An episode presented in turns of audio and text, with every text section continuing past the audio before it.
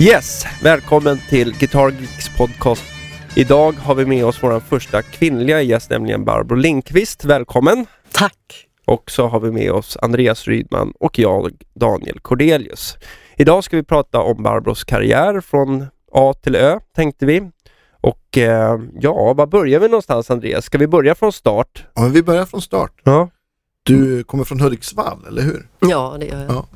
Glada Hudik. Precis. Har du aldrig hört förut? Nej, det har jag aldrig. Aldrig. Ja, men eh, kan du inte börja med att berätta hur, hur du började spela helt enkelt och tidiga influenser? Och... Mm. Jag är, är yngst av, vi är tre syskon, systrar. Mm. Min mamma och pappa spelade, många i släkten spelade och det finns dessutom ett kyrkligt, frikyrkligt arv så att eh, många har spelat i kyrkan. Eh, och de instrument som fanns till hans hemma det var piano, gitarr och dragspel. Och då alla lirade på det, liksom mer eller mindre. Och då eh, gjorde jag det också såklart.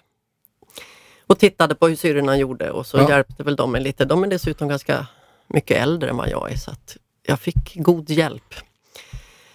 Men, Men då, minns... då kunde ni lira så här med familjen efter middagen så här så körde ni ett par låtar eller? Ja, med, med syrrorna. Mm. Eh, Äldsta syrran där drog igång liksom. Och, Nej men kom, vi, vi spelar. Sjung bara, ta en stämma, sjung bara. Ja. Så fick man liksom, jaha. Man lärde sig den vägen liksom. När jag var två år gammal så eh, hade pappa skaffat en Tandberg rullbandare och så hade han eh, liksom nyss kommit hem med den och satte på någon sorts musik med ett par jättestora lurar på mig. Så jag fick lyssna på och jag blev helt... Det var som en liksom wow! This is it, kände jag. Det var en helt ny värld som öppnade sig med, med liksom... Ja, och jag har ingen aning om vad det var men det jag har fått reda på sen att det var nog James Last, tror jag.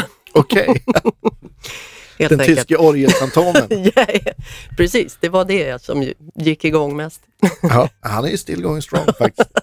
Jag har sett, det var i Tyskland när man sett affischer Ja, här. just det. Så är det en sån artist som inte liksom har slagit igenom här? För att jag känner mig helt nollställd nu. Jag kan tänka mig att, att han kanske på, på 60, 70, 80-talet kanske var mer populärt. 60-70-talet var 60, 70 han ganska kanske. hot i Ja. Sverige också men Okej, du är okej. antagligen för ung. Jag är youngster och noll koll. Jag ber om ursäkt. Ja, men jag ska läsa på bättre. Ja, men det är så, han, kan man säga att han är Tysklands Robert Wells? Ja, det kan man säkert Ja. säga. Visst. ja, eller något. Coolt. Så du blev helt fångad av musiken? Ja, det blev jag. Och, och spelade och spelade och spelade. Och liksom, fast jag spelade väldigt mycket piano och även gitarr parallellt. Då. Gick Dragspelet gick inte lika varmt Jo, eller? nej, jag fick ett, faktiskt ett drag, pianodragspel av pappa när jag var kanske åtta år eller något. Som jag väl försökte traggla lite på. Mm. Eh, men nej, det kom definitivt i sista hand. men jag har haft nytta av det senare. För att jag kan ju fixa något enkelt litet lir om jag måste. Till exempel på Stadsteatern här om året så spelar jag lite dragspel. Okej.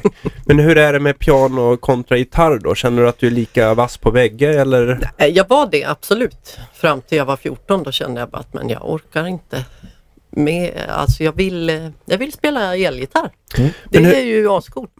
Vad fick dig att börja liksom ta tag i elgitarrspelet? Var det någon så här att du såg till exempel Hendrix eller Blackmore eller Yngve eller jag vet inte. Men har du någon, har du Mm. någon husgud där som fick det, fick, Det var som tände det, lågan? faktiskt ingen som jag såg och smällde av på mer än kanske möjligtvis Janne Schaffer och Henrik Jansson som man Mm. såg på svensk tv stup i kvarten. Det var väl mera svenska influenser men Mm. det som gjorde att jag verkligen ville det var, det var att jag lyssnade på en massa amerikansk rockmusik och Mm. smällde av på soundet och kände att riff, det, det är ju så himla kul. Det här vill man ju bara lära sig Mm. liksom, och lira. Det är tusen gånger roligare än att sitta med Bach, vilket jag i och för sig tyckte var kul också. Men, Ja. så att det var mera ljudet av det, svänget av det, än någon enskild gud sådär.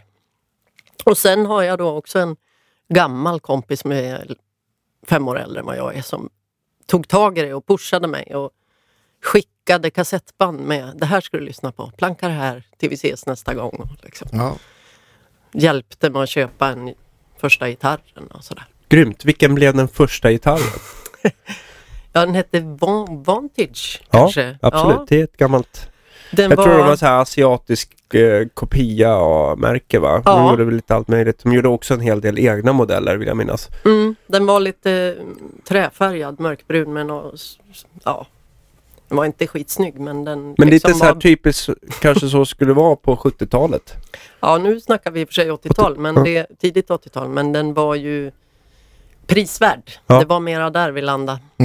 Jag tycker ändå så här 70-talsgitarrer var ju ganska poppis att det skulle vara lite mässing och träfärgat och sånt där. Men det Ja, kanske liksom lappade över gi- givetvis in på Mm. 80-talet också men det var väl, det var väl den, det modet då. Var det typ en stratta eller?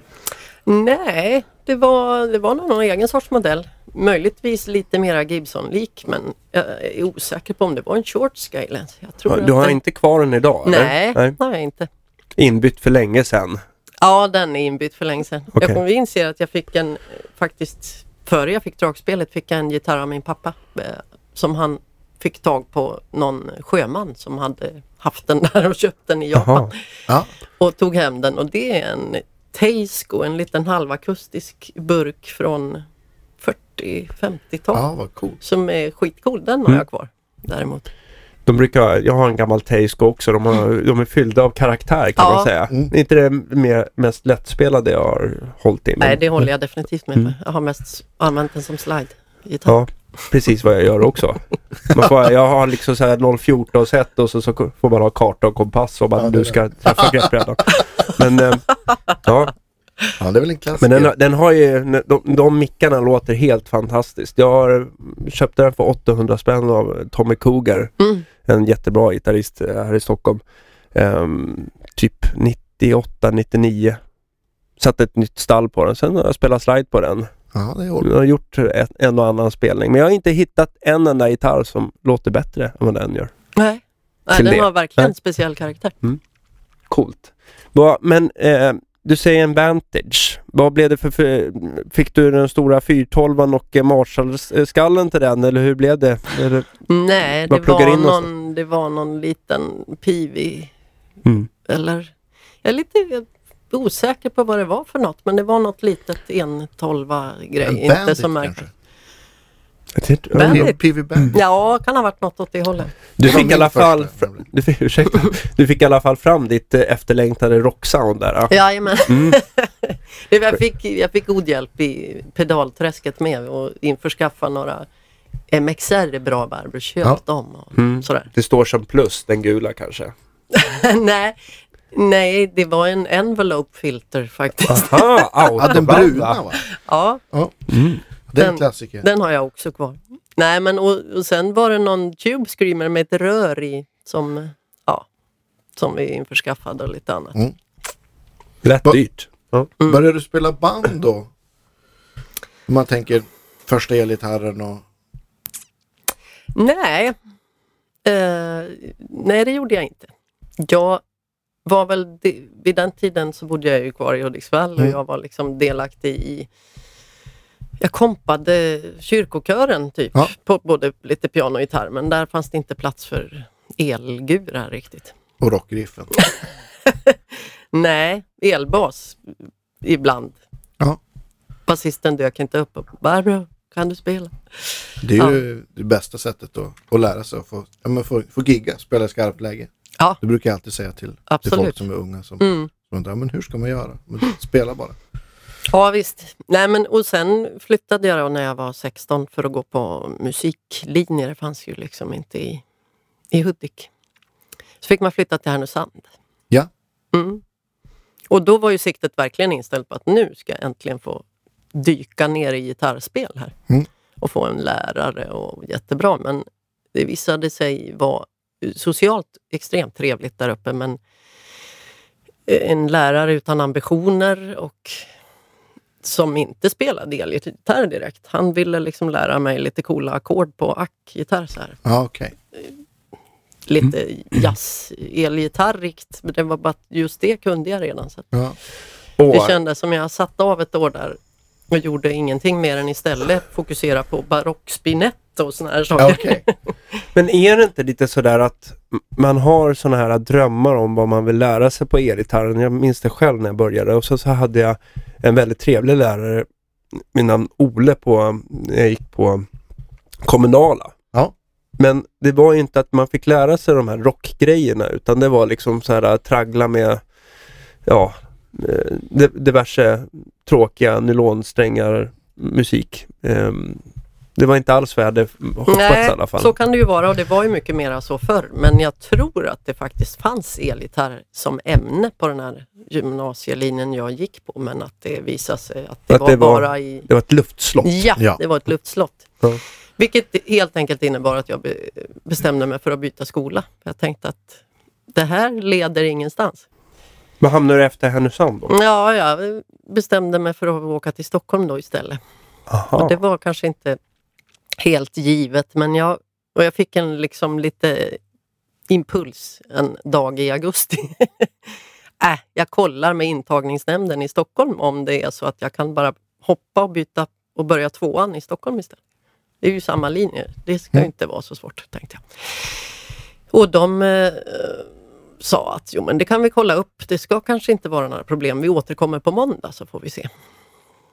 Eh, vilket de gjorde och så sa de att jo, det finns en plats ledig på Södra Latin i- rätt in i tvåan. Det, vi får, eh, det går bra att komma ner. Du börjar imorgon klockan tio. Så då flyttade jag bara hux flux Över en natt. över en natt. Inneboende eller släktingar kanske? Mm, inga släktingar. Eh, Jag bodde hos den här killen som hade hjälpt mig att köpa min första gitarr. Just det. Han bodde på ett studentrum på åtta kvadrat. Jag tryckte in mig där. Det löste sig. Ja, och han hade dessutom då fem, nej det kan ha varit, han hade kanske fem, sex gitarrer. Marshallstackar. Marshallstackar 2 500 LP-skivor och ungefär lika många bukar på sina åtta kvadrat. Ja. Och så jag då på Ja. golvet. Men det, det känns ändå som att du hade, ja men från väldigt tidig ålder ver, verkligen siktet inställt på att men jag ska spela gitarr Mm. och hålla på med musik. Jag visste när jag var tio år att jag ville bli musiker. Sen hur det skulle vara, det visste jag inte. Men från och med där jag var 14 någonstans bestämde jag mig för att det här vill jag. Nu Mm. kör jag. Mm. Det kan ju verkligen underlätta. Ja, men det, det kommer jag ihåg, det hade jag en, eh, träffade någon gammal högstadieklasskompis som sa ja men det var så, du visste ju alltid vad du skulle göra. Mm. Det tog mig jättelång tid. Så det, det kan man ju verkligen, eller för mig var det en sån, en välsignelse att veta att ja men jag vill ju spela gitarr. Varför ska man göra något annat än Ja men det är samma med mig. I Ja. synnerhet som man träffar väldigt många som inte har en aning om vad de vet, Ja. vad de vill och så. Så Jag känner känner man igen- att det är en glädje att ha, alltid ha vetat det. Ja, Jag känner igen mig också till 100 procent. Det, var- Ja. det har inte varit något snack liksom. Nej. Schysst. Hur, vad, hur trivdes du på Södra Latin? Jo då, jag trivdes jättebra. Jag kom ju in i en klass som redan var satt i sina...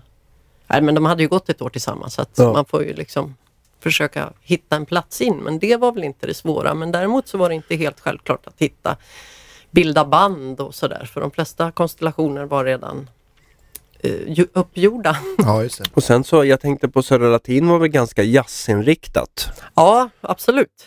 Det var det.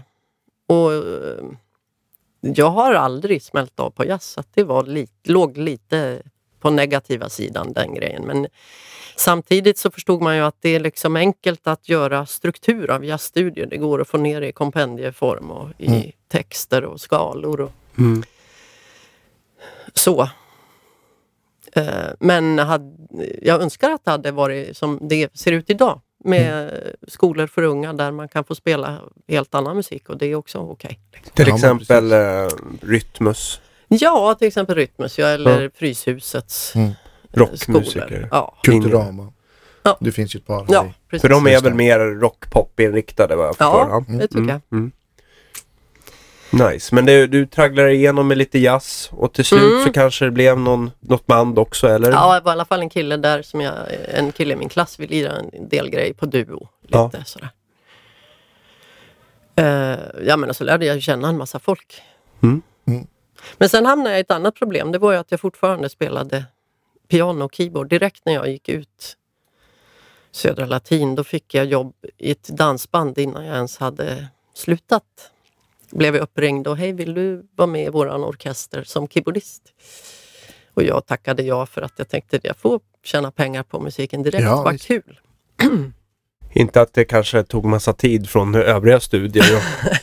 Nej, Nej men det var precis i slutet av skolan så det passade väl liksom bra. Men, eh, och så var jag med där i fem månader tills jag bara inte stod ut mer. Men, och då hade jag målat in med ett litet hörn för att då så fort jag ville spela någonstans så sa folk men vi har redan gitarrist, kan inte du spela keyboard istället? Du är ju bra på keyboard. Ja. Vi har redan gitarrist, du kan väl... Ja. Så att då eh, blev det så att jag spelade keyboard i en massa sammanhang. Tills jag liksom bara kände att nej, det här är inte det jag hade sikte på. Vad gör jag nu då? Så då började jag säga så här, nej, jag spelar inte keyboard. Jag spelar gitarr. Mm. Mm. Ja, nej, men då kan inte du vara med. Nej, nej, okej. Så kände, ju- just eh, efter de där fem månaderna med dansbanden där, Mm. hur mycket spelar ni då liksom? Nej, det var heltids. Är det, Spela. var det liksom fem spelningar i veckan eller hur såg det ut? Det var lite olika. Vi låg iväg på såna här tre veckor i Tampere i Finland och ytterligare veckor på någon båt någonstans. Och sen var det väl strögigs runt i Sverige med. Mera Helger och... helger. Stockholm, Skellefteå, Stockholm Mm. utan hotell och sådär. Oh the glamour. Ja, Ja, jag förstår. det var höst. Och sen så kanske inte musiken som ligger i närmast om hjärtat Nej, heller. inte det heller. Så man kommer till en gräns så det blir lite så här uh, falling down känsla. Man tar fram basebollträet och börjar veva. Ja, men om man tittar tillbaka då tänker jag att jag någonstans ändå har liksom eh, ställt mig frågan, vill jag det här nu och då? Mm. Istället för att bara... In, viktigt att reflektera ibland och hålla fast vid sina mål och ideal. Liksom. Känner du att du har liksom lärt dig någon läxa eller något nyttigt av att göra de där fem månaderna med eh, dansband? Att, det, att, så här, att det, det kan inte bli värre än det i alla fall. Jag står ut med mycket. Eller? Ja, lite sånt. Eh, Mm. Absolut. Och att se att branschen inte är så glamorös alltid. Nej. Det fick man ju lära sig, absolut. The hard way. Ja. Så Ja, det kan jag väl bära med mig. Musikaliskt vet jag inte om det var så utmanande alls. Men... Eh, vad, vad hände efter då att du började tacka nej till keyboardjobben? Var det helt, var, var du som arbetslös då eller Mm, det blev någonting? en lucka där det liksom tar tid att vända det här skeppet lite. Men, eh, och så tänkte jag, men okej vad gör jag nu då? Jag kan inte sitta här och bara tro att folk ska förstå att jag vill spela gitarr. Utan då började jag höra, läsa annonser, höra av mig. På alla möjliga sätt försöka liksom komma in någonstans. Till exempel så hörde jag till ett tjejrockband i Stockholm som sökte keyboardist. Då växte det ut en liten så här, Ja. nej nu jävlar, nu har jag en plan, här, en sidoplan. Så jag svarade på den annonsen och skrev att ja men jag, jag spelar keyboard men jag spelar också gitarr. Ja men vi behöver inte gitarrist, vi har redan gitarrist. Ja okej, jag kan. Vi kan komma och provlira då som Mm. keyboardist men jag spelar också gitarr. Stod jag med med gitarren till den här provliret och så spelade vi keyboard och där var de klara och tyckte det var bra och nöjda med sig. Men jag vill spela, jag vill spela en låt gitarr bara.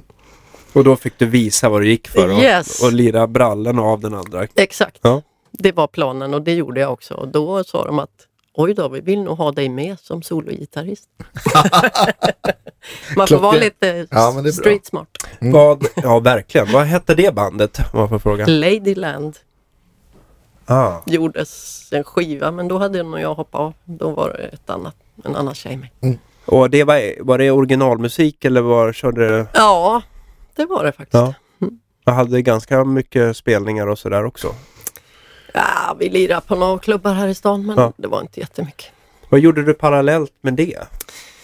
Ja, jag jobbade halvtid som eh, allt möjligt. Ja. Städa lite på kontor. Eh, tog påhugg där det fanns Ja. i liten skala och sen Mm. bodde vi två pers på 23 kvadrat och Du hankade fram levde helt enkelt. billigt. Ja, jag gillar din initiativförmåga där. Ja, men jag spelar gitarr. Ja, jag är ju väldigt Ja, imponerad. men för det, det ganska, ganska många musikanter som inte är så företagsamma kan man väl kanske lugnt säga.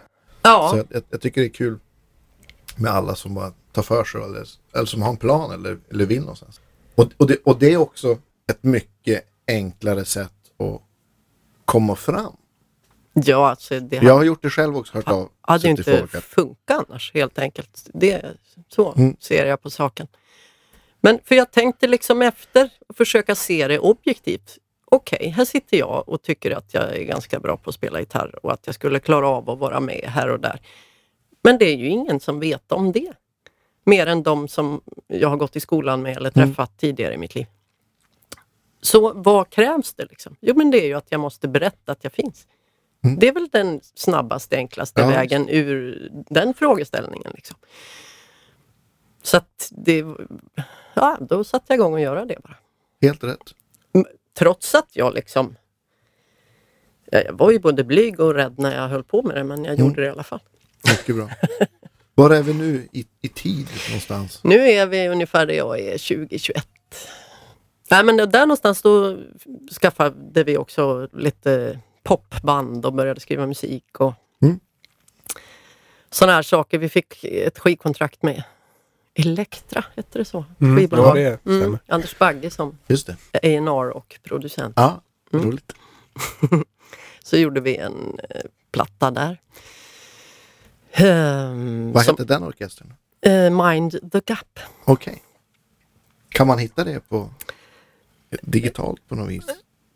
Ja, lite osäker faktiskt. Vi, Jag vi tror får att- testa sen. Nej, men det finns nog på Youtube lär det nog finnas Ja. någonting, det tror jag. Ja, får hem och söka. Ja, den var inte så poppis uppe i, i Kiruna. Tyckte de att det var det värsta skit de någonsin har hört. Men i Värmland däremot så gick det bättre. Hände det något roligt uppe i, i Kiruna eller? Nej, vi spelade, aldrig, all, spelade inte där. Det Utan var någon liksom- skribent som inte var lika positiv. Ja, Ja. lite så. Jag tror att de tyckte det var fruktansvärt. Det var inte alls någon gruvarbetar-style på det här. Det var alldeles för sansat. Och ni kände, gud vad tråkigt. Nej, man får ta de smällarna. Vi Ja. måste ändra oss Ja, här, just- Bubs. Ja. Nej, men sen hände ju det här då som jag faktiskt var skyldig till själv med. Att jag hörde av mig till... Eh, det hade börjat komma ett tv-program som hette Kurt Olsson och Damorkestern och som började bli väldigt populärt. Mm. Jag, jag var en stor anhängare. Ja. Just det. Det var första gången jag såg det utan Mm. att veta att det var du. Och jag var ju inte med där till att börja med utan en vacker dag ha, bör, gjorde de liveprogram från att tidigare ha gjort studioinspelningar i den här kolonistugan och alltihopa. Och så gjorde de eh, livesändningar som de kallar för Fodda blommor där de kompade artister live. Mm. Bland annat Jerry Williams och vad det nu var. ja, och då fanns det ju behov av att ha gitarr såklart när det skulle vara lite rockartister med. Och då sitter det en eh, man där i orkestern som har klätt ut sig till dam. Såg jag direkt och tänkte, vad fan är det här nu? Ja. Varför sitter han där? Ja, det är klart att han är bra att spela, det märker man ju. Men vad är anledningen till att han sitter där? Och Jag fick bara ett enda svar i mitt huvud. Det var att de, de Hittar känner inte. Nej. en enda människa som de tycker skulle kunna ha den platsen. Och det här var ju Göteborgsfolk då, så Mm. det var inga jag kände alls. Men då hörde Knöt jag av mig. Mm. Mm. jag skrev både till till Bengan och till orkestern. Bengan Blomgren var han som satt Ja, där i orkestern. Ja. Ja. det var han som var ute Mm. till. Vad roligt. Eh, att... Ja, jag förklarar hur jag tänkte bara. att Du kanske tycker det finns roligare gig än att sitta utklädd till kvinna och jag tycker å andra sidan att eh, eller jag förstår att det är ingen som känner någon som kan spela, men jag kan spela. Så att jag skulle ju kunna vara med då istället kanske. Ungefär så i korta ordalag. Och så drog jag iväg det där brevledes och sen dröjde det några månader och sen hörde de av sig. Ja, Jag förstår, när han har fått nog helt enkelt Ja. Så då blev jag med där. sminket. Mm. Och från den dagen så blev det liksom tydligt att jag spelar gitarr och inget annat. ja, men visst. Eftersom det var väldigt mycket media på den orkestern. Ja, det var ju väldigt stort tv-program. Jag vet inte vad man ska likna det med idag. Men det var ju verkligen Ja, det var ju det. pro programmet som Ja. gick primetime Så var det. lördagar. Absolut. Hur var det att eh, arbeta med Kurt på den tiden? Nej, det var helt fantastiskt roligt. Det Ja. var ju liksom en orgie i garva jämt. Underbart. Ja. Och otroligt sköna medarbetare och fantastiska erfarenheter. Där var det ju tvärtom dansbandet väldigt mycket ordn, ordning och reda och bokat framöver och bra hotell och bra Mm. lön och bra, bra, bra. Ja, Så det var ju... ett liksom- superkneg helt enkelt. Ja. Ja, det kändes aldrig som ett kneg faktiskt. Det Nej. kändes bara som extremt roliga erfarenheter. Men man får ju ändå så här, man har ju hört allt för många gånger att de här ä, artisterna som man tycker verkar så himla trevliga och helylle, att det är när, när liksom kameran stängs av så visar sig en annan person bakom. Men, men så var inte Kurt. Han var liksom, det var lika skoj och galet hela tiden, eller? Ja, typ naturligtvis med ett djup och en osäkerhet. Det tror jag eh, varenda komiker sitter inne med den Mm, dualiteten. också. Men inte, alltså absolut inte nattsvart så fort man stänger av utan fortfarande extremt trevlig och rolig. Men med ett större djup. Liksom. Hur länge, hur länge blev det damorkester för dig? Ja, det var, nu ska vi se, jag började där eh, hösten 88 va? Ja, det var det. Jag tror att vi höll på till i ungefär fem år eller något sånt. Mm. På slutet var det ju, då försökte vi leva som damorkestern lite mera på Ja, egen, egen hand sådär också. Men, Bara att Kurt inte ville längre eller vad? Nej men alltså vi hade kört, vi, det var verkligen heltid. Ja. Vid ett tillfälle var jag bokad tre år framåt. Var, allt. Ja. Så gör vi det, så gör vi turnéer, så gör vi tv, så gör vi det och så ska vi hit och så ska vi dit och så krogshow där och så. Det var efter en sån hyperintensiv period så var väl liksom alla tvungna att bara andas ut lite. ja. Skönt att göra något annat. Ja, det Efter kände man ju då också. Ja. Okej, så att när det ebbade ut, vad tog vid då? då? Ja, nej, men då försökte man satsa på bilda band, något eget projekt, skriva egna låtar eller ett litet coverband som vi sydde ihop och körde nere på västkusten med. Och, Med, ba- med Ja, medlemmar var- från damorkestern? exakt, det var typ kompet ur damorkestern. Ja. Okej, men har du frontat något av dina band? Sådär, Ja, att du... det gjorde jag ju där Ja. då, sjöng och. Sen i förlängningen så gjorde vi egna låtar med det bandet där jag också eh, skrev ihop med en av de andra tjejerna och så sjöng jag. Ja. Nej men det var ju, där var det ju några år där det var lite... Jag gjorde någon turné här och där. Jag turnerade med... Nu ska jag se så jag säger rätt. Cecilia Wennersten hade slagit Ja, igenom det. där med Det vackraste. Aha. Då var jag med på en turné i Norge. Hon var väldigt stor i Norge. Eh, ja, nej men så att det var lite små, någon enstaka turné, lite små gigs här och där och, och försöka eh, hanka sig runt lite. Men jag kan tänka mig att det blir också en sån här, från att ha ett sånt välbetalt och liksom bra jobb som ändå damorkestern var till att liksom att det blev det, att det blev det jättekontrast sen efter det att det liksom verkligen blev en mycket, mycket mindre att göra eller? Det blev mycket mindre att göra men det var ju ingen nyhet för mig. Nej, jag visste precis, om att så ser det ut. Det är inte så att du liksom hade lärt dig att leva på en, Nej, viss standard och visst sätt och Nej. sen så liksom är det svårt att liksom ja, skala ner, om man säger så. Utan, Nej, jag har alltid haft inställningen att jag liksom, jag lever på, på eh, rättar, vad heter det? munnen efter matsäck kanske? Munnen efter matsäcken, exakt. Så. Eh, och har sällan i och för sig levt i en överflöd, även om jag haft mer pengar så har jag fortfarande levt ganska snålt. Det känns ju nästan som en, liksom en, ett, ett måste för att eh, Mm. klara sig i denna fina bransch. Ja, men visst.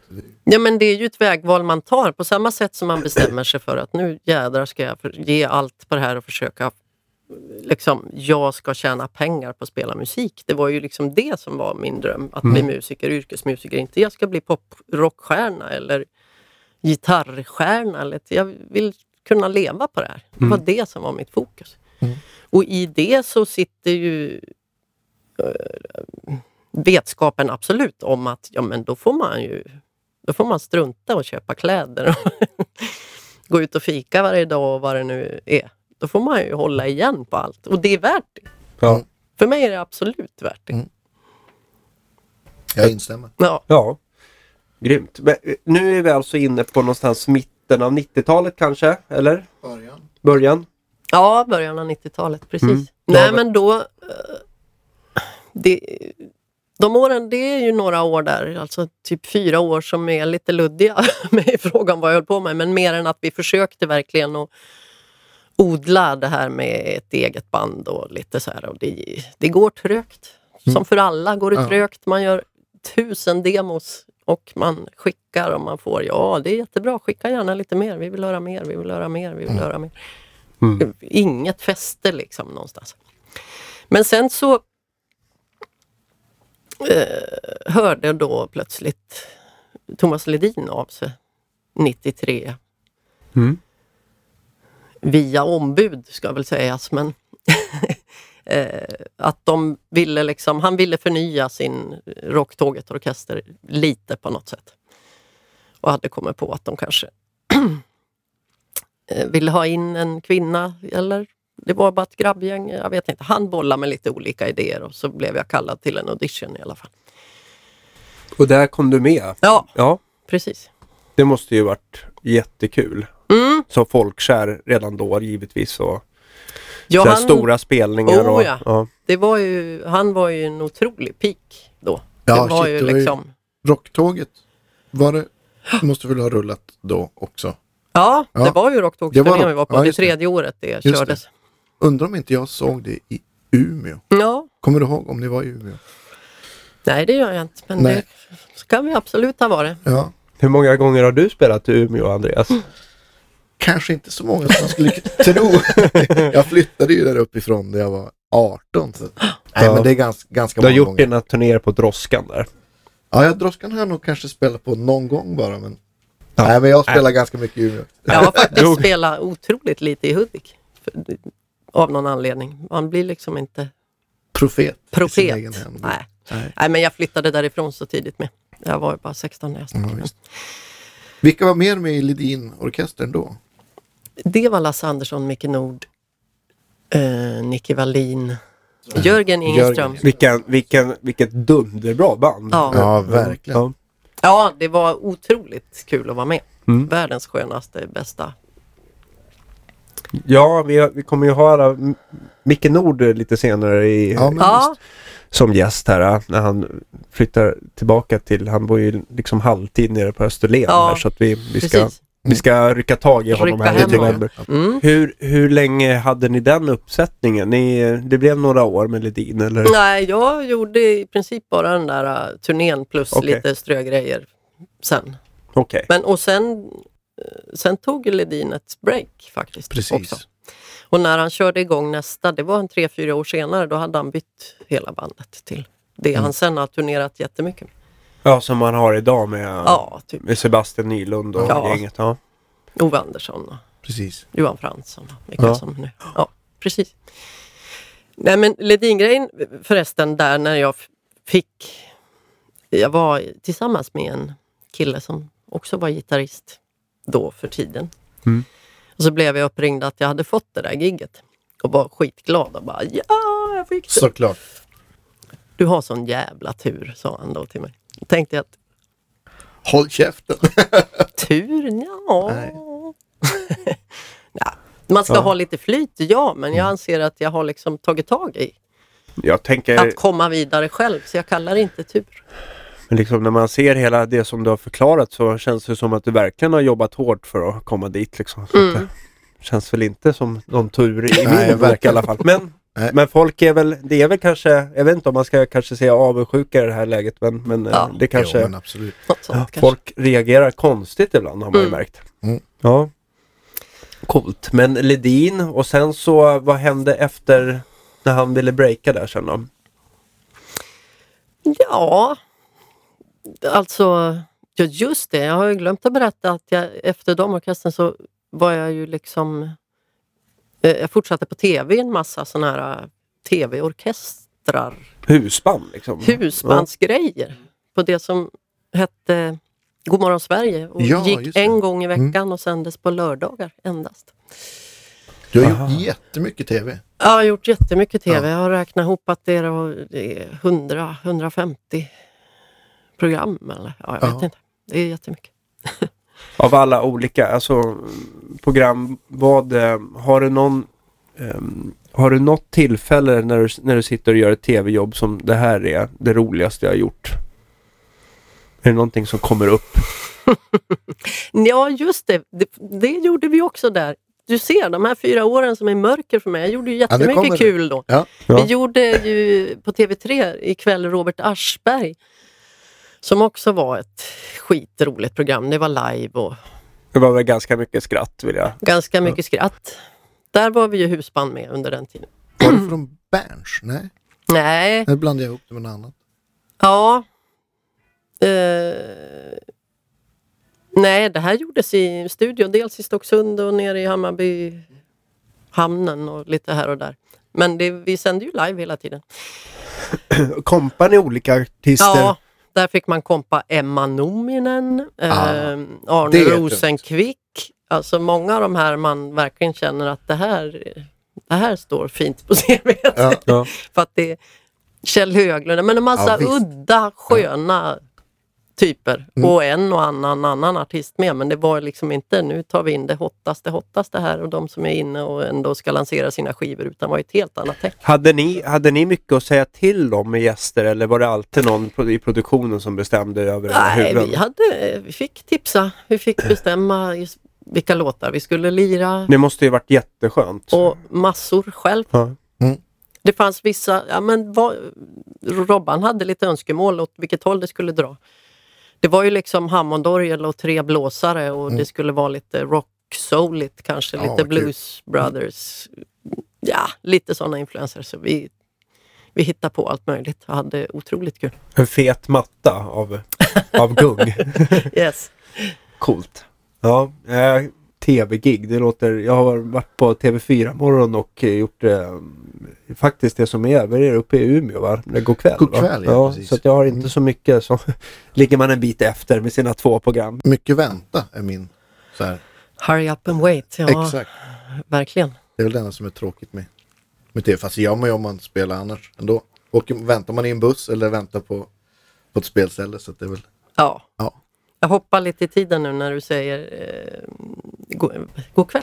Det Ja. fanns ju i Norrköping också, eller finns kanske fortfarande. Men där var jag med Dileva sen ytterligare några år senare. Då hade jag fått min första lilla bebis och hade ingen barnvakt. Eller vi ammade ju och grejer. Han Ja. var bara två månader Gubbar. gammal. Så Ja. vi, han fick följa med till god kväll. och jag hade ingen barnvakt som sagt. Vi var ju bara vi i orkestern. Så Ja. att, första spotten då fick studiovärdinnan bara, här, ta honom.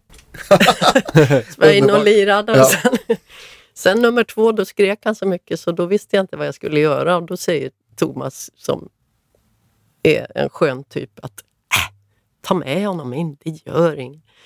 Så, och vi, just det numret var lite mera eh, jag tror att det var playback och att vi mera bara skulle stå och sjunga och grejer. Så jag har Ja. honom i sändning hela tiden så här. Nej, vad Han. Gud, somnar i låten. Ja, I direktsänd. Ja, det måste ha varit en väldigt vacker låt. Ja. ja. Kan man säga att Apropå- han fick gitarren med modersmjölken? ja jag tror det faktiskt. Dileva, ja, Ja. han verkar vara en väldigt skön typ. Är det också precis som, som Kurt, att han är lika skön som, som Ja, när det kameran... tycker jag. Absolut. Det är ju samma där att det, starka karaktärer är liksom ännu starkare i, media eller utåt sett. Mm. Privat så är de samma i sans fast kanske i lite vidare perspektiv. Lite mer tam. Inte tam men, men med större bredd. Ja. Hur, hur, eh, hur länge arbetar du med, med Thomas? Dileva. Nej, det, ja, ja, precis. Mm. Ja, det var väl under tre års tid ungefär. Som vi gjorde också en massa turnéer. Det måste väl också varit så här hans peak? Ja, det var Vem hans ska jag peak. tro på? Haft, på något vis, där snackar Ja. vi faktiskt tur. Det har inte varit min försorg att det har blivit så utan att det känns som att jag har klivit på med vissa artister när de är i absoluta piken. Så att det är liksom 20-25 000 på varenda gig och utsålt. Och, Jag tror, jag, och sen tar man nästa och då pickar den. Jag, Och så- tänker, ja. jag, tänker, jag tänker ju mer så här att för, att för att kunna få pika som artist så kanske man borde ringa dig exakt. Ja, just det. Mm. Där har vi fram Där har vi, receptet. exakt. Jajamensan, det är bara att ringa. Jag, jag tror jag såg, eh, såg det leva på Vattenfestivalen. När kan det ha varit då? På, eh, var du med då? Nej, jag kommer inte ihåg men det, men jag tror att det kan ha varit det kan ha varit då, men det kan också... Jag vet inte när Vattenfestivalen Ja, slutade. jag kommer inte ihåg heller. Och jag spelade med honom från 97 och framåt. Ja, Men det kan ha varit precis i slutet av Vattenfestivalen. Mm. Det kan stämma faktiskt. jag tror att det var den sista Vattenfestivalen Ja, som var. Jag var och hälsade på min syster här i stan. ja. ja men då, Mm. när du säger det så tror jag faktiskt att vi Ja. lirade där. Har du någon sån här, om man eh, backar lite till, till alla tv-gig. Jag tänker Mm. så här, det, 150 tv-gig så måste det ha blivit några såna här, eh, något knas på något, eller du vet så här, saker som, som kanske, Ja, alltså det- måste sägas med att en otroligt stor del av de här eh, tv-giggen har varit live och live och live och återigen live. Och då är, är det inget att rädda liksom. nej, Utan det har hänt att man spelar inte så snyggt flera gånger. I synnerhet när jag var väldigt ung och vi liksom kanske var på det här Godmorgon Sverige-tiden och det var musikgissning eller det, inte, ja, vi hade någonting åt det hållet. Och man skulle spela ett tema på det var liksom verkligen bärande funktioner och det Ja. var inte alla gånger det satt live heller. Det, ja men det, det är en sån här klassiker. Det gick säkert jättebra på repet och så sen, ja, lite ja men så är det ju. Förstärkaren går ju inte sönder på Under repet press. utan, utan Nej, den går ju liksom sönder så. på Ja. turnépremiären eller, eller då det är live. Eller, Mm. brukar ha en Och nu här om året kommer jag att tänka på, då eh, skulle vi spela på Bingolotto med, eh, med Nanne Grönvall. Det kan ha varit kanske tre, fyra år sedan eller något sånt där. Men Mm. eh, det är vinter eller höst eller något. Vi flyger ner. Det är fruktansvärt oväder. Det är bara... Vi är det sista plan som får landa överhuvudtaget. Sen stängs det för att det är storm. Oj. Och så åker vi ut där till Bingolotto-studion och så repar vi. Och just den gången var det med ett ganska rockigt band, Nalle Paulsson och lite Mm. folk och vi skulle vara... Ja. Ehm, och en halvtimme innan sändning, då går strömmen. Oj, Bara så att det är svart i hela studion. Och då kommer eh, bildproducenter och andra och vad, vad gör vi, vad gör vi? Men han säger i alla fall att vi har eh, tre kameror eller två kameror som körs på batteri. Och vi kan lösa med batterier så att vi kommer att sända oavsett. och blir det så här, då får du spela ackgitarr, Barbro. ja, ja, tack för det. jag hade inte ens med mig någon sån, men nej men det fixar vi hit. Vet du. Bara, Ja. Så jag tänkte shit ifrån det här, här Rockbandet. rockbandet. Verkligen så. Men det löste sig. Tio minuter innan sändning, då kom allting tillbaka och så hann vi köra. Var det lättad... lättad eh, Extremt lättad. Jag Barbro. hade nog... Mm. Jag hade inte bangat, för det känns det som det kan man inte göra. Man hade löst det, men det var ju skönt att slippa. förstår det. Ja. Ja, är, det, är det någon är det något så här framträdande du har haft där du känner att fasiken nu, nu har jag haft sån himla oflyt. Man eh, spelar av strängar och det börjar brinna i förstärkaren och samtidigt som att eh, någon häller en stor eh, öl rakt över pedalbordet och det låter inte. Ehm, ja, kombinationer av det där. Men eh, det, då, jag kan inte säga att det har drabbat kanske bara mig. Med Thomas Ledin Rocktågsturnén, då fick vi också ställa in mitt i för att då var det storm den gången med Okej. Hela jättescenen med jättebackdrops och tyger höll på att flyga ut till havs. Så att vi fick, Ja, det ja. Det. Och det regnade in i pedalbordet och det var eh, risk för strömförande och så vidare. Men det sjukaste av allt som jag varit med om, det är faktiskt på ett bröllop. Eh, Jag var inte med i bröllopsorkestern men de kan inte du komma på gästa Barbro? Så spelade jag och sjöng två Ja. låtar. Och då kommer det en dam ångandes från andra änden av lokalen med jättearga ögon, går fram till mig och bara spänner ögonen i mig och sen oh, Åh, Nej. herregud! slog hon mig mitt i allting. En rak höger helt enkelt. Men, Precis. Fick du reda på varför? Eller var det? Nej. Nej, hon mådde väl inget bra psykiskt helt enkelt. Det var väl förklaringen. Jag blev uppenbarligen provocerad av mig Jaha. på något sätt. Men Ja, Det är nog det sjukaste trots Ja, allt. det att man står och lirar och någon kommer och slår en. Men... Ja. Ja, jag Och jag fortsätter spela. The show must go on. Du näslog då. ja, det var sjukt faktiskt.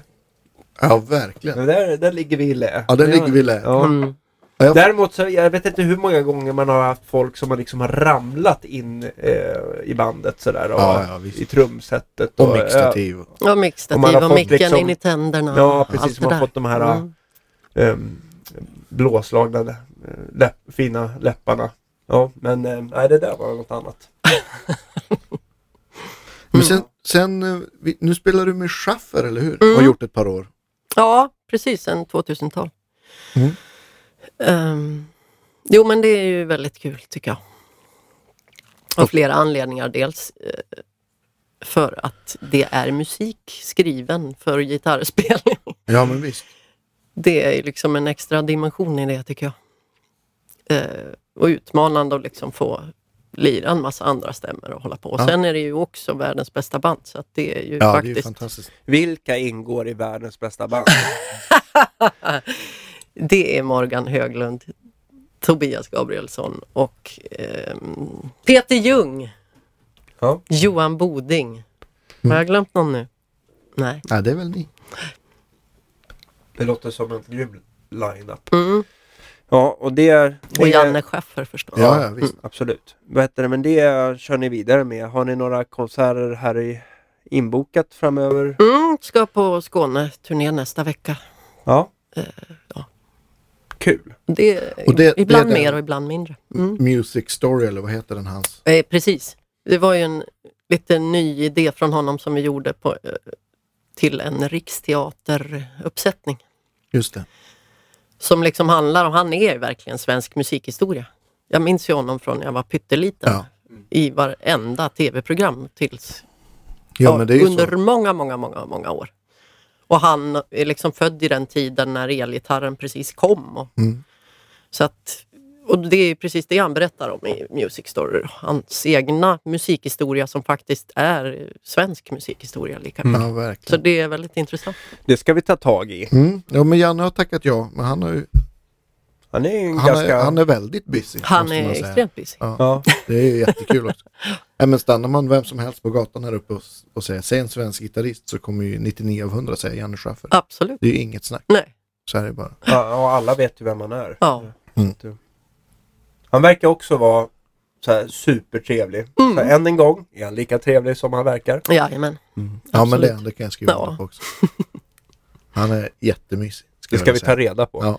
Han är också väldigt bra. på- Han vet ju han har ju rest så mycket under så lång tid så han vet ju var man ska äta bra. Det Ja. gillar ju han. Det, det är ju är grymt. Vi jobbar med körde White Guide hela Riksteatern-turnén. visst, det, det var, det var värt många mil. Det är många ingen mils Statoil omvägar. kvar där inte. Nej, nej, nej. Vad mycket rasta. det finns många äckliga vägkrogar.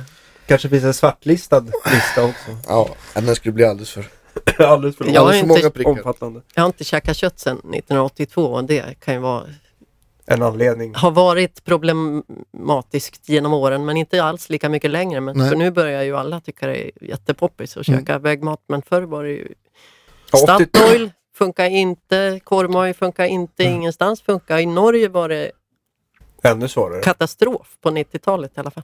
Ja. Då är det biffschnadder och inget annat. Nej, jag Fan käkade omelett tror jag så här, sju dagar på raken. Jag Ja, tror att jag aldrig varit så förbannad över, över um, snabbmat som i Norge faktiskt. Nej. Eh, när man, jag tänkte så här, favoritburgare, det blir väl skitbra. Och så Nej. beställer jag det och då får man liksom en hamburgare, en cheeseburgare typ med den här, jag vet inte vad det kallas, de har ju någon speciell smet till deras våfflor. Som smakar Nej, vedervärdigt. Den, Ja, passar, okej. den är inte Nej, ens god till våfflor. Okej. och, och, och sylt. Och sen så bröd. Ja. Och så kostar den arm åt ben också. Ja, just. Ja. Då lite lätt bakis och mm, ja, för få timmars sömn i bagaget, det, det, då var jag inte glad. Nej. Nej, då blev det fålängd där. Ja. Nästan. Norsk Nog om, nog om Norge, det Ja. är mycket vackert i alla fall. Ja. Vad är favoritguran då? Favoritguran är, det, det har växlat genom åren men alltså just Såklart. nu är det absolut min tele som jag har kört på nu länge. Ja. Men när jag köpte den, det var bara... Det, det var inte för att jag ville ha en tele. Det var faktiskt helt enkelt för Nysse Nyström sa du, jag har en gitarr här som jag tycker du ska köpa. Ja, Ja, ja, okej, jag kan väl göra. Så kom den hemlevererad av Nysse och Staffan Astner i amerikansk bil, Yeah. hemkörning. Och då kunde man liksom inte motstå. Nej, man inte tacka nej. Nej, Nej. då köpte jag den och sen fick den ligga till sig i fem år sådär. Sen började jag göra mig vän med den och sen, sen är vi väldigt goda vänner. Mm. Men innan det spelade jag massor med år på Strata och på en 335 också. Så. Eh, jag, känner ju så här, ibland så växer man ihop med ett instrument. Mm. Själv är man så här, en stratta den lägger sig ju väldigt fint runt kroppen. Så där. Jag har inte kommit överens med telen, även om jag älskar soundet av den stallmicken som jag tycker är helt magiskt. Men, men är det så för dig att du känner att liksom, när du hänger på dig telen då känns då, liksom, då lägger sig händerna rätt och allting känns... Ja, men och det gör det ju på grund av att man har spelat så himla mycket på den. Men eh, det är soundet med. Jag tycker den är så otroligt allround på ett sätt som en strata inte är. Jag tycker jag kan ha den till både pop och rock och jazz och samba Mm. om jag skulle behöva det med. ja men det håller jag nog med om. Så länge man inte behöver svaj så. Ja, ja, ja. precis. Nej, men, och där är liksom, jag, jag sitter väl fast i någon sorts eh, kompa, vara yrkeskompmusiker-tankar. För att till det är den ju strålande. Liksom, men ska man skapa sig ett eget eller så, då är det väl bättre att vara lite smalare i... Man kan fortfarande lira på tele, men då skulle jag ha tänkt åt ett annat håll lite grann. Eh, är det, har, du, har du flera dubbletter av din tele eller är det alltid den som åker? Ja. Nej, jag Alltid. har bara den. Jag är för lat numera för att dra med mig en spare till och med, utan det är den eller ingen. Du kör 013 set och ser till att man inte spelar av helt enkelt. Då. Just. Nu, nu kom jag på en annan knäpp grej jag har gjort. Det var att vi spelade på eh, båt. Tror att det kan ha varit med damorkestern. Och vi Typ Silja Line eller någon av de större? Nej, det var ju Göteborgsbåt då, till Stena Tyskland. kanske? Stena Line helt Mhm. enkelt. Mm. Och vi skulle kompa Little Mike tror jag. Låter rock'n'rolligt. Ja, Ja. vi drog iväg. Och jag upptäcker när vi har kommit en bit ut i havs att jävlar, gitarren är kvar i land. Ja, den är skön. Ah, vad gör jag nu? Det går in liksom Var inte. den i någon bil eller? Nej, den fanns ju bara, det gick inte att rädda alls. Så att, då kom jag på att Little Mike han kan ju faktiskt ha en gitarr med sig. Så jag gick och väldigt skämsigt fråga honom, du, eh, har du någon gitarr med dig? Ja, det har jag. Hur så? Nej, jag fick aldrig med mig min. kan Så- jag få låna din? Ja, jag Det fick ju det, sig. men det var ju inte Ja, det. det. gladaste svaret man fått. Självklart ta den, det var inte direkt. Utan det, jag kände mig, fick krypa som en hund med svansen mellan benen. Men han, han körde alltid gitarr när han, när han framträdde? Ja, faktiskt så gjorde han ju det och lirade munspel och gitarr och sjöng. Och För så. ibland kan jag känna så här som man, om man går upp på scen eh, utan gitarr, när man är alltid van att sjunga med den, så kändes det så här vad gör man av händerna? Man är mycket-. Man känner sig Ja. väldigt Ja. Det var blottad. säkert obekvämt för honom men han var snäll nog ändå att låna Ja. ut den till mig. Det var stort. Vad- om du har din tele, är, är du som Andreas Rydman att du har ett av eh, Skandinaviens största pedalbord som du behöver vara en flyttfirma för att, eh, för att eh, flytta eller, eller är du ganska sparsmakad där? Jag är ganska sparsmakad. Dels för att jag är jätteonördig. Jag vill gärna ha bra grejer men jag liksom är inte intresserad av att Ah, nu har det kommit en ny, då måste jag ha den nya. Ah, nu måste jag, nu måste jag, nu måste jag. Det är liksom... Jag har hittat en setup som funkar. Hur ser den upp, ut? Eh, ja, jag behöver, jag har sådär tre distar tror jag. För närvarande har jag den som alla andra har, den lilla gröna. Tube Screamer kanske? Nej, men med, Ja, med Professor. ja, Little Green Wonder? Little. Green Wonder har jag. Mm. Exakt. Eh, och så har jag en T-Rex Swamp. Mm.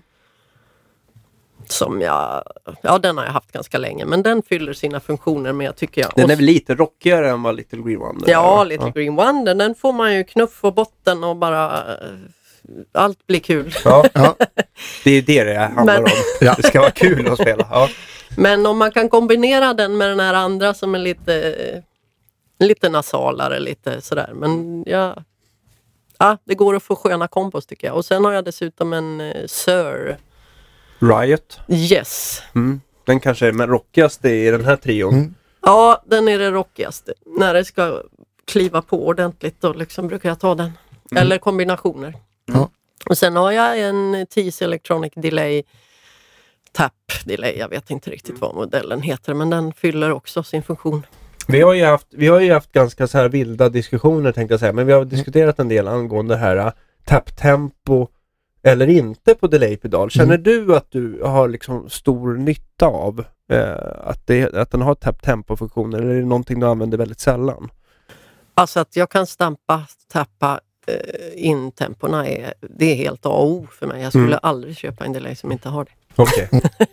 Nej men det är också så här lite så här eh, smaksak känner jag. Mm, jag känner absolut. också så här att ibland när man får möjligheten att tappa in tempot känner jag själv att det kanske liksom drunknar lite i sammanhanget och Mm. gör att man kanske måste vrida på mer delay-effekten annars eller att det grötar ihop sig. Men det är säkert beroende på massa faktorer, gitarr och förstärkare och sound och musikstil visst. och sånt där. Så att jag, Sen vissa saker måste man ju tappa om man, om man spelar mot delayet.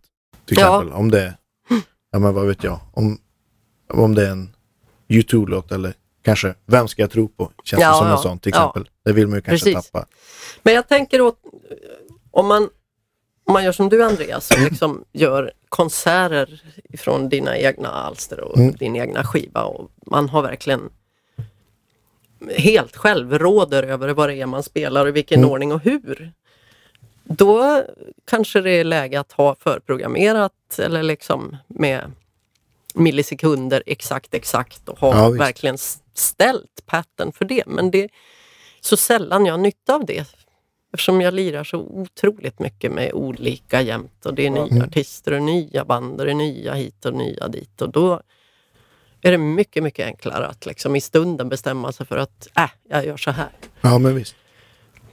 Så att min setup bygger på det. Jag har en wowa och så har jag tremolo och så har jag ja, några små saker. En stämmare kanske också. en stämma har jag absolut. Däremot börjar jag bli trött på den är tung, den blir övervikt, den skakar sönder, alla skruvar flyger när jag turnerar med den, i synnerhet på flygplan.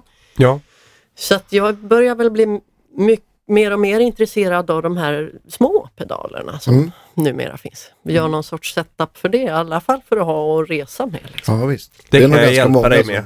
Så att Ja. det, Det låter fixar gött. vi. Absolut. Eh, när du kommer till ställen, har du all, ser du alltid till att ha med, förutom din tele och det här pedalbordet, ser du alltid till att ha med dig din favoritstärkare eller tar du lite vad de har hyrt in eller hur? hur? Det är nästan alltid vad de har hyrt in eftersom vi ofta flyger eller åker tåg. Eller, Ja. eh, Men och vad gäller chaufförgiggen så är det nästan alltid en AC30.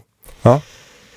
Eh, som jag tycker funkar jättebra men jag kan lika gärna spela på någon Fender eller Pivi eller så. Men själv, om jag själv får bestämma och ha mina grejer Ja. då har ju jag en Matchless som jag har haft länge. En Chieftain kombo. Ja de är fina. För de är ju lite, det är ju liksom lite välbyggd Vox.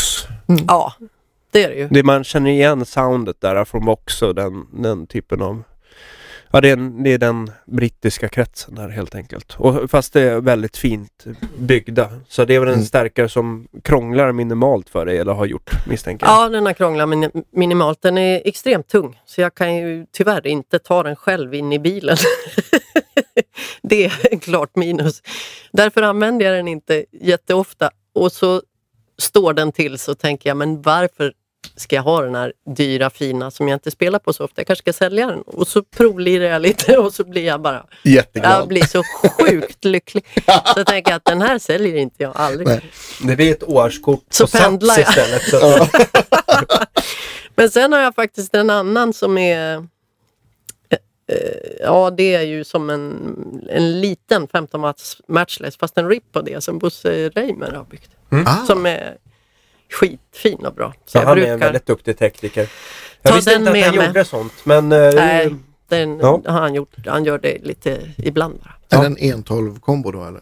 Mm. Mm. Nej, ja, det är ingen kombo. Det är en topp Ah, okej. och så är det en 112-låda som jag har till. Mm. Ja, väldigt smidigt. Ja det brukar ju bli lite lättare om man får ta en av delarna i taget. Och det låter fortfarande fantastiskt så att det är bra. Ja, har, du, eh, har du blivit eh, extremt... Vad är, det, vad är det värsta du vet när du liksom kommer till ett ställe och de har hyrt in en stärkare och så bara åh nej. Inte en sån här, en till trött eh, gammal Twin Reverb från 70-talet eller vad är det liksom? Ja. Har du något så här hatobjekt så här som du bara...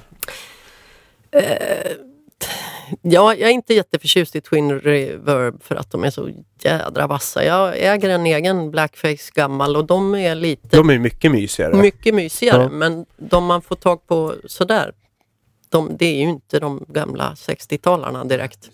Och de är jag inte så förtjust i.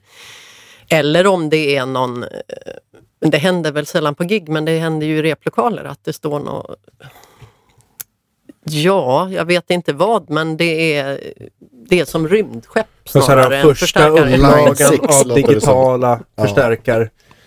Ja, Ja, ja visst.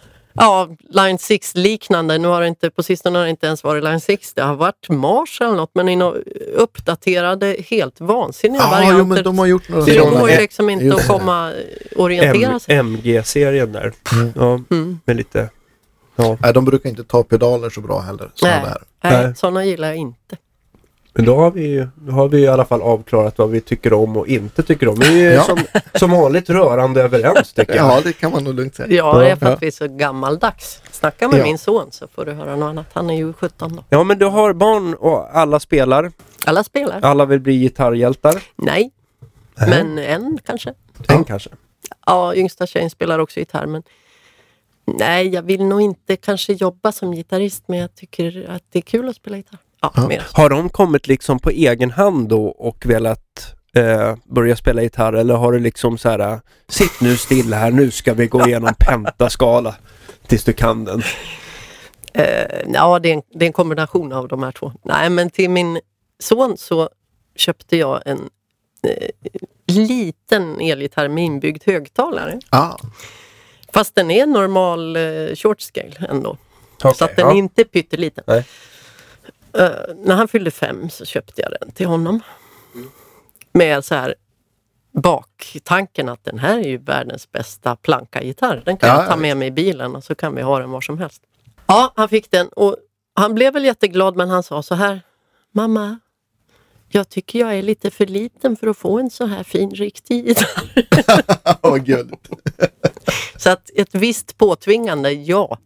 Men eh, sen har det nog kommit ur eget intresse. Han Ja. är dessutom vänsterhänt. Jag har tvingat honom att spela högergitarr. Ja, han, precis som Ia Eklund, Mattias. Jaha, det visste jag inte. Han, han kör ju högerhänt, Ja. vilket underlättar eh, väldigt mycket.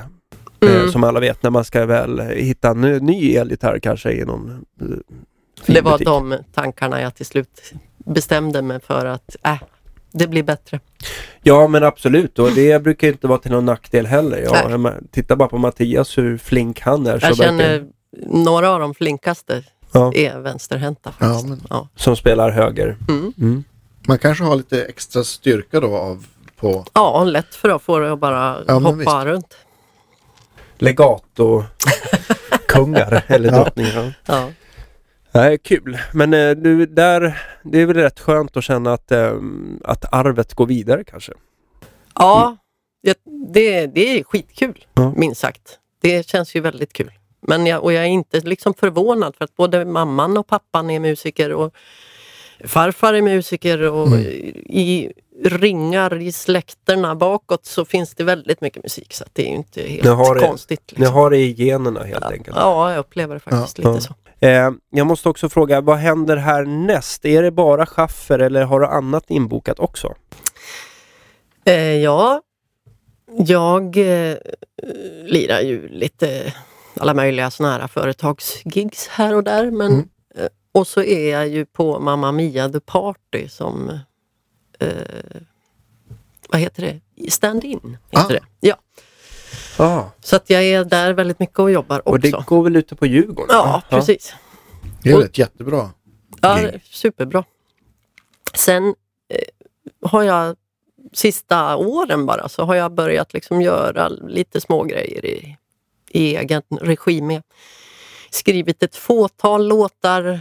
Eh, åkt runt och pratat lite mera om det här, precis min egen musikhistoria eftersom Mm. jag på något sätt tycker att den kan peppa andra vi inte yngre förmågor att liksom våga satsa på Mm. sin dröm på något vis.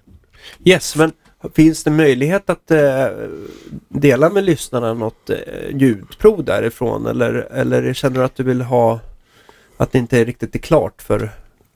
Det är inte riktigt klart. Nej. Men oj vad det ska tas tag i. Ja. Bara jag får tid, ja du vet, man skjuter gärna upp. Då får vi väl kanske ta det också i ett återkommande Mm. program Ja, men det jag. För att, Mm. Vi har en sån här återkommande fråga som vi Mm. har kört med alla gäster. Så nu kör vi den med dig då. Yes. Huset brinner.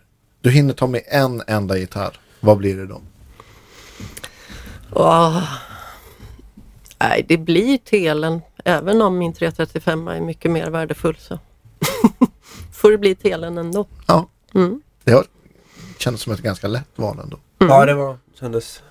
Det Ja, kändes som i att det det var fallet din är Mm. pengar inte grejen, tror jag. Ja, Men vissa instrument växer man ju bara ihop med på något vis. Jag har varit med om att det började brinna i, när jag spelade i en kyrka. Oj. Och en, en fåtölj började brinna och, och bryta av och utrym. Då tog du din tel och sprang? Nej, det var långt före telens tid men jag såg till att rycka med mig min gitarr på vägen. Jag lämnade handväska och kläder och allt men gitarren fick jag med mig. Fick de stopp på branden? Ja då. Jag misstänker att det var något ljus eller något som hade... Ja, Ja. var något sånt. Ja, det. Grymt. Vi- Stort tack för att ja, du kom. Verkligen. Jättekul Mycket att vara trevligt. Ja, Mm. hoppas det blir fler gånger. Mm. Då hörs vi nästa vecka med ny gäst helt enkelt. Så tack Exakt. för idag. Tack och hej. Tack, så mycket. själva. Hej då.